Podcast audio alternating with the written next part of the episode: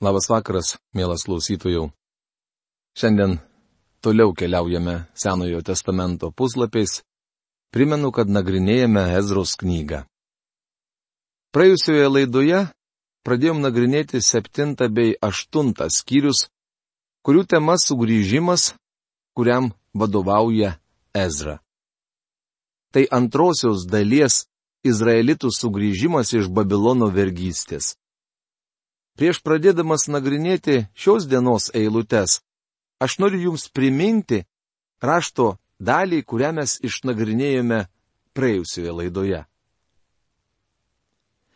Po šių įvykių, Persijos karaliui Artakserksui viešpataujant, Ezra, sunus Serajus, sunaus Azarijos, sunaus Hilkijos, sunaus Šalumo, sunaus Sadoko, sunaus Ahitubo, sunaus Amarijos, sunaus Azarijos, sunaus Merajoto, sunaus Zerachijos, sunaus Uzio, sunaus Bukio, sunaus Abišūvos, sunaus Finehaso, sunaus Elezaro, sunaus vyriausiojo kunigo Aarono.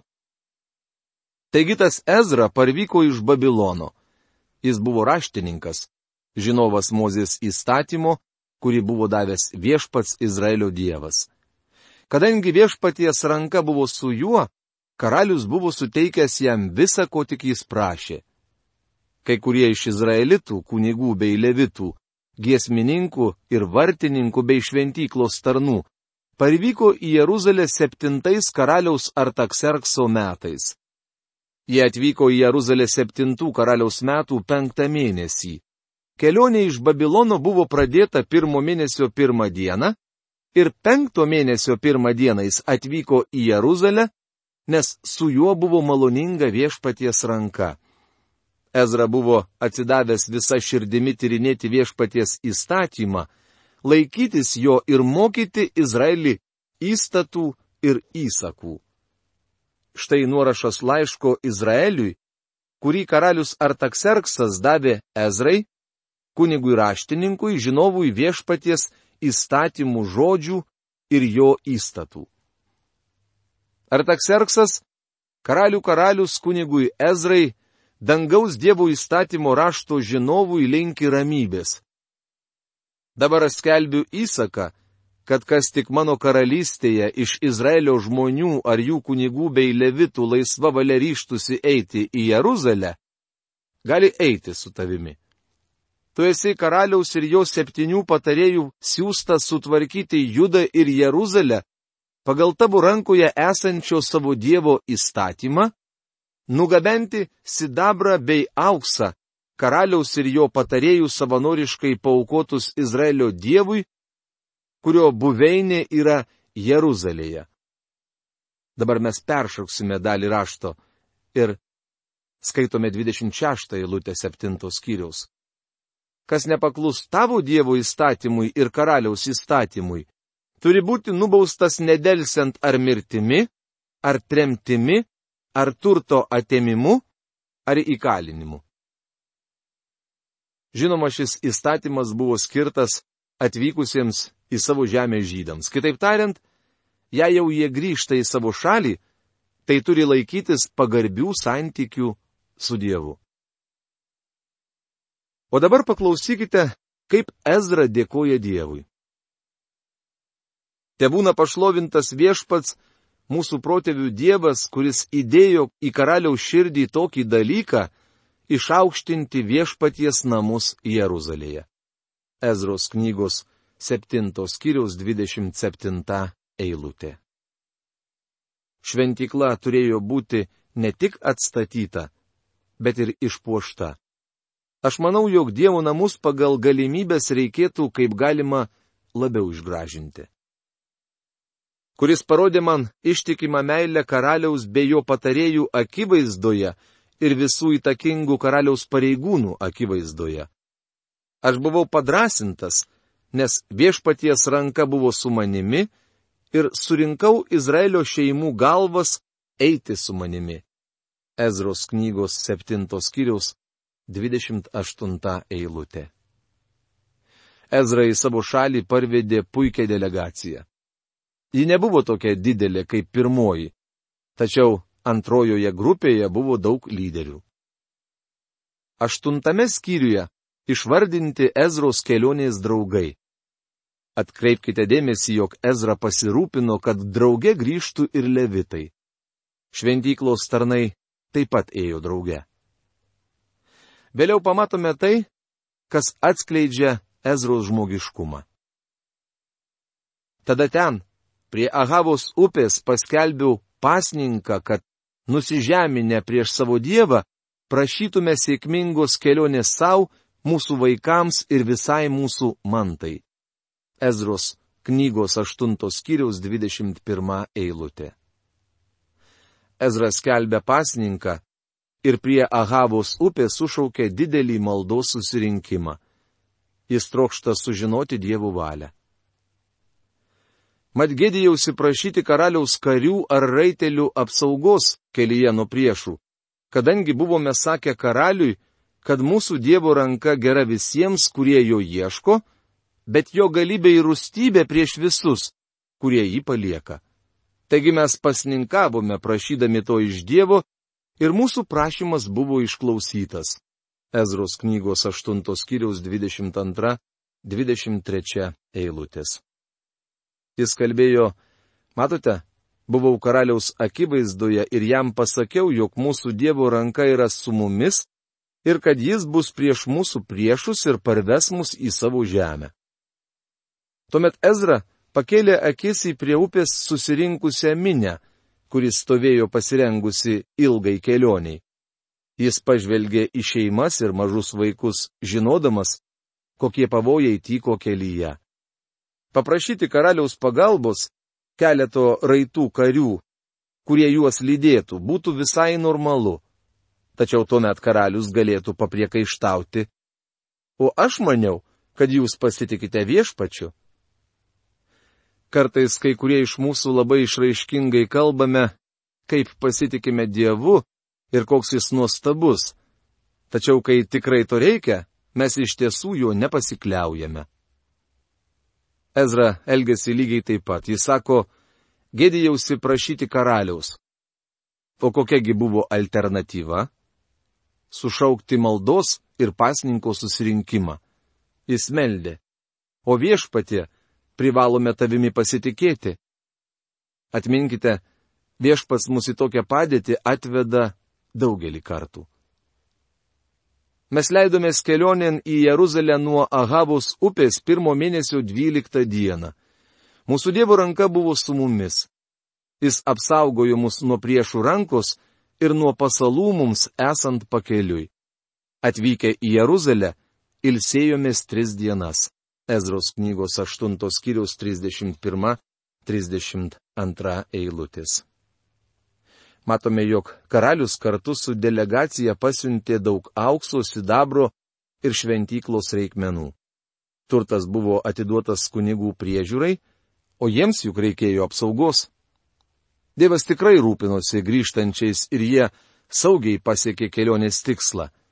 Tris dienas jie pasiliko Jeruzalėje, o brangenybės nunešė į šventyklą, į Dievo namus. Tuo metu parėjusieji iš nelaisvės sugrįžę tremtiniai atnašavo Izraelio dievui deginamasias aukas, 12 jaučių už visą Izraelį, 96 avinus, 77 ėriukus ir kaip atnaša už nuodėmę 12 ožių. Ezros knygos 8 skyriaus 35 eilutė. Šioje eilutėje vėl paminėti 12 jaučių. Kodėl? Todėl, kad tai buvo auka už nuodėmę. Už visą Izraelį. Kaip nuostabu ir šlovinga, kad žydai sugrįžę į Jeruzalę vėl galėjo aukoti Dievui. Ezros knygos 90 skyriai. Tema - Reformacija Ezros laikais. Devintame skyriuje skaitysime vieną iš geriausių Biblijos maldų.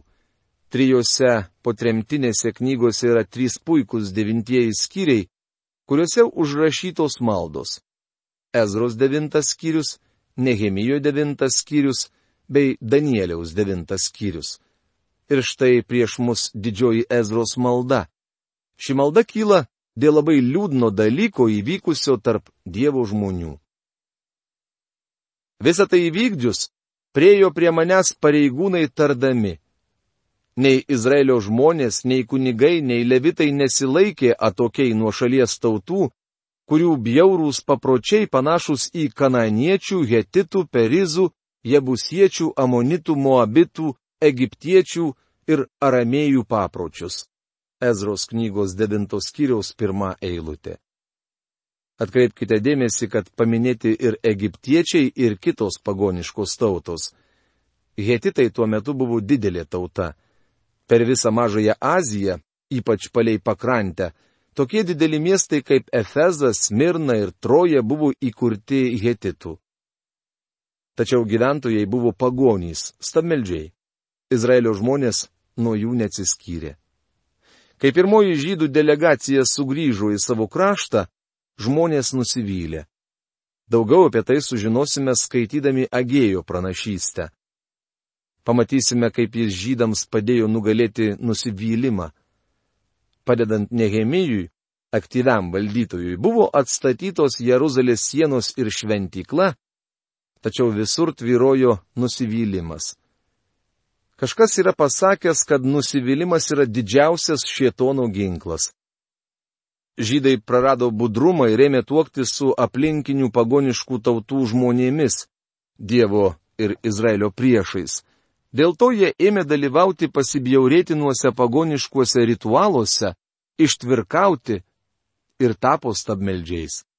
Aš netgi manau, jog kai kuriais atvejais žmonės nesivargino tuoktis, nes tų dienų pagonis nekreipė dėmesio į santokos formalumus. Beje, kaip ir modernios visuomenės pagonys. Dabar įprasta sakyti, jog gyvename pažangesnėme amžiuje, turime naują laisvę. Mes civilizuoti žmonės. Bičiuli, mes nieko nesiskiriame nuo Ezros dienų pagonių. Jie paėmė jų dukterį žmonomis savo ir savo sūnums. Taigi šventoji sėkla susimaišė su šalies tautomis. Iš tikrųjų pareigūnai ir vadai pirmi taip nusižengė. Ezros knygos 9 skyriaus antra eilutė. Netgi vadai darė šią nuodėmę. Jie buvo dar kaltesni prieš Dievą, nes privilegija visuomet padidina atsakomybę. Grįžę žydai atsidūrė liūdnoje, niekingoje, vargingoje būklėje. Šioje situacijoje Ezra galėjo padaryti keletą dalykų. Pavyzdžiui, transliuoti programą apie patriotizmą, iškelti Izraelio vėliavą, demonstruoti Davido žvaigždę ir renkti didžiausius susirinkimus patriotizmo tema. Tačiau jis taip nesielgė. Jis galėjo suduoti triuškinantį smūgį santokoms su pagonimis, ištvirkimui ir stabmeldystėj sakydamas kalbas. Tačiau Ezra ir to nedarė. Mano draugė, kaip tik taip mes šiandien ir elgiamės. Visgi norėčiau, kad atkreiptumėte dėmesį į tai, kokių priemonių jis ėmėsi. Mūsų dienomis tai retas reiškinys. Tai išgirdęs persiplėšiau drabužius ir skraistę, roviausi galvos bei barzdos plaukus ir priblokštas atsisėdau. Ezros knygos 9 skyriaus 3 eilutė. Nepamirškite, Ezra į savo gimtają šalį atvyko praėjus maždaug 75 metams po to, kai atkeliavo pirmoji 50 tūkstančių delegacija, kurią vedė Zerubabelis. Kai Ezra atvyko su savo dviem tūkstančiais žmonių, šventykla jau buvo atstatyta, tačiau miesto sienos dar ne. Žmonės buvo apgailėtinoje padėtyje, nes tuokdamiesi su pagonimis, susimaišė su kitomis tautomis. Klestėjo ištvirkimas ir stabmeldystė. Kai Ezra visą tai sužinojo, o vėliau ir išvydo savo akimis, jis buvo priblokštas, kad Dievo žmonės taip žemai puolė. Šiandien kalbame apie bažnyčios apostazę. Atsimetimą nuo bažnyčios. Bent jau aš apie ją kalbu. Tačiau įdomu, ar mus tai nors kiek jaudina. Kadangi jau išėjau į pensiją, norėčiau nusiplauti rankas ir pasakyti, tai ne mano reikalas. Tačiau tai mano reikalas. Bičiuliai, mums lengva apkaltinti tai, kas neteisinga, tačiau paklausykime, kaip pasielgė Ezra. Jis buvo taip sukrėstas savo tautos nuodėmis, kad persiplėšė drabužius ir rovėsi plaukus. Vietoj to, kad pradėtų kaltinimų tiradą, šiandien tai būdinga daugeliu žmonių, klausykime, kaip Ezra elgėsi toliau. Tada visi, kurie išgirdę Izraelio Dievo žodžius, baiminosi dėl sugrįžusiųjų tremtinių nusižengimo, susibūrė aplink mane, man sėdint priblokštam iki vakarinės aukos. Ezros knygos 9 skyriaus 4 eilutė.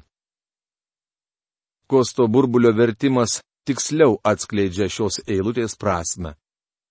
Tuomet susirinko prie manęs visi, kurie drebėjo prieš Izraelio Dievo žodžius dėl tremtinių neištikimybės, o aš sėdėjau sukrėstas iki vakarinės aukos. Tuomet susirinko prie manęs visi, kurie drebėjo prieš Izraelio Dievo žodžius. Man tai patinka. Leiskite čia trumpam sustoti. Kiek žmonių iš tiesų rimtai tiki Dievo žodžiu? Manau, jog neblogai pažįstu fundamentalistų bažnyčią. Pažįstu daug nuostabių fundamentalistų. Jie puikiausi žmonės. Mėgstu jų draugiją ir juos myliu. Vis dėlto yra daug tokių, kurie tik skelbėsi myli Dievo žodį ir kaip įrodymą pateikia užrašus bei pieštukais pažymėtas Biblijos eilutes. Tačiau įdomu tai, kad jų gyvenimai pažymėti dėmėmis, o jie nei nemano, ką nors keisti. Jie tvirtina tikį Dievo žodžiu, tačiau jų gyvenimui tai nedaro jokios įtakos. Jie nedreba prieš Bibliją. Kaip ir pasaulio žmonės jie skelbia, Dievas yra meilė. Taip, jis tikrai yra meilė. Nuostabu tai žinoti. Tačiau jis daugiau nei meilė. Mūsų Dievas šventas. Jis nubaus nuodėmę. Ir būtent tai Ezrai kelia nerima. Ezra dėl tremtinių nusižengimo sėdėjo sukrėstas iki vakarinės aukos. Jis buvo priblokštas. Ar tai mums rūpi? Kiek mes tikime Dievo žodžiu? Mano draugė krikščioni. Mums verta pasitraukti į nuošalę vietą ir savęs paklausti, ar aš tikrai tikiu Dievo žodžiu? Ar tikrai jam paklustu? Viešpats Jėzus kalbėjo, jei mane mylite, jūs laikysitės mano įsakymų, rašoma Jono Evangelijos 14 skyriaus 15 eilutėje. Vakarinės aukos metu atsitokėjęs, vis dar perplėštais drabužiais ir skraiste, puoliau ant kelių, ištiesiau rankas į viešpatį savo dievą. Ezros knygos 9 skyriaus 5 eilutė. Ką reiškia ištiesti rankas į dievą? Tai reiškia, jog nieko nuo jo neslėpi. Tai reiškia, jog kai melzdamiesi artinatės prie Dievo, jūsų protas ir siela visiškai prieš jį apsinuogina. Ezra ištiesi rankas į Dievą. Jis nieko nuo jo neslėpė. Apaštalas Paulius tai prašo. Aš norėčiau, kad vyrai visur, kur melsis, keltų aukštyn tyras rankas, be pykčio ir nesantaikos. Pirmas laiškas Timotėjui, antras skyrius aštunta eilutė. Nepamirškite to. Ezros malda. Ir tariau. Mano Dieve, aš gėdijuosi pakelti veidą į tave ir raustu. Mano Dieve, mūsų nedori darbai slegia mūsų galvas ir mūsų kaltė siekia dangų. Ezros knygos 9 skyriaus 6 eilutė. Dabar paklausykite, ką jis kalba. Jis nesako, nes jų nedori darbai slegia jų galvas ir jų kaltė siekia dangų. Ezra meldžiasi, nes mūsų nedori darbai slegia mūsų galvas ir mūsų kaltė siekia dangų. Šiandien lengva atsiskirti nuo bažnyčios, nes jos būklė bloga. Esu tuo įsitikinęs. Tačiau mano draugė, tai ne jų nuodėmė, tai mūsų nuodėmė. Jei bažnyčia yra apostazija, mano draugė, tuomet mes esame apostazija. Ne už mano broli, ne už mano seserį, bet už mane viešpate reikia melstis. Nuo mūsų protėvių dienų iki pat šios dienos esame sunkiai nusikaltę ir už savo nedorus darbus mes, mūsų karaliai ir mūsų kunigai, buvome atiduoti svetimų kraštų karaliams į rankas, kalavijui, nelaisviai, apiplėšimui ir baisiai gėdai, kaip yra ir šiandien. Ezros knygos 9 skyriaus 7 eilutė. Paklausykime Ezros. Tai nuostabi malda. Jis žinojo, ką reiškia būti tremtiniu svetimoje šalyje. Jis arba gimė tremtyje, arba mažas berniukas buvo išvestas į nelaisvę, todėl žinojo, ką tai reiškia. Štai kodėl jis ėmėsi drebėti, kai suprato, kad ateis Dievo teismas. Mano draugė, Dievas šiandien teisė daugelį žmonių. Galėčiau pateikti begalės pavyzdžių. Prieš keliarius metus prie manęs priejo žmogus, tiesiog ėste suėstas venerinės lygos. Jis pasakė, maniau, jog išvengsiu pasiekmių, bet dabar turėsiu mirti nuo šios baisios, bjaurios lygos. Taip ir įvyko. Gal kas iš jūsų paprieštaraus, Dievas turėjo jo pasigailėti? Taip, Dievas galėjo jo pasigailėti, tačiau šis žmogus nusikalto. Mūsų Dievas šventas, jis teisė nuodėme. Labai blogai, kad dauguma iš mūsų nedrebame prieš Dievo žodį. Mėlyji, toks šiandien Dievo žodis. Šios kiriaus apžvalgą mes su jumis pratesime jau kitoje mūsų laidoje. O šiandien savo laidą baigiame. Iki malonaus sustikimo. Sudė.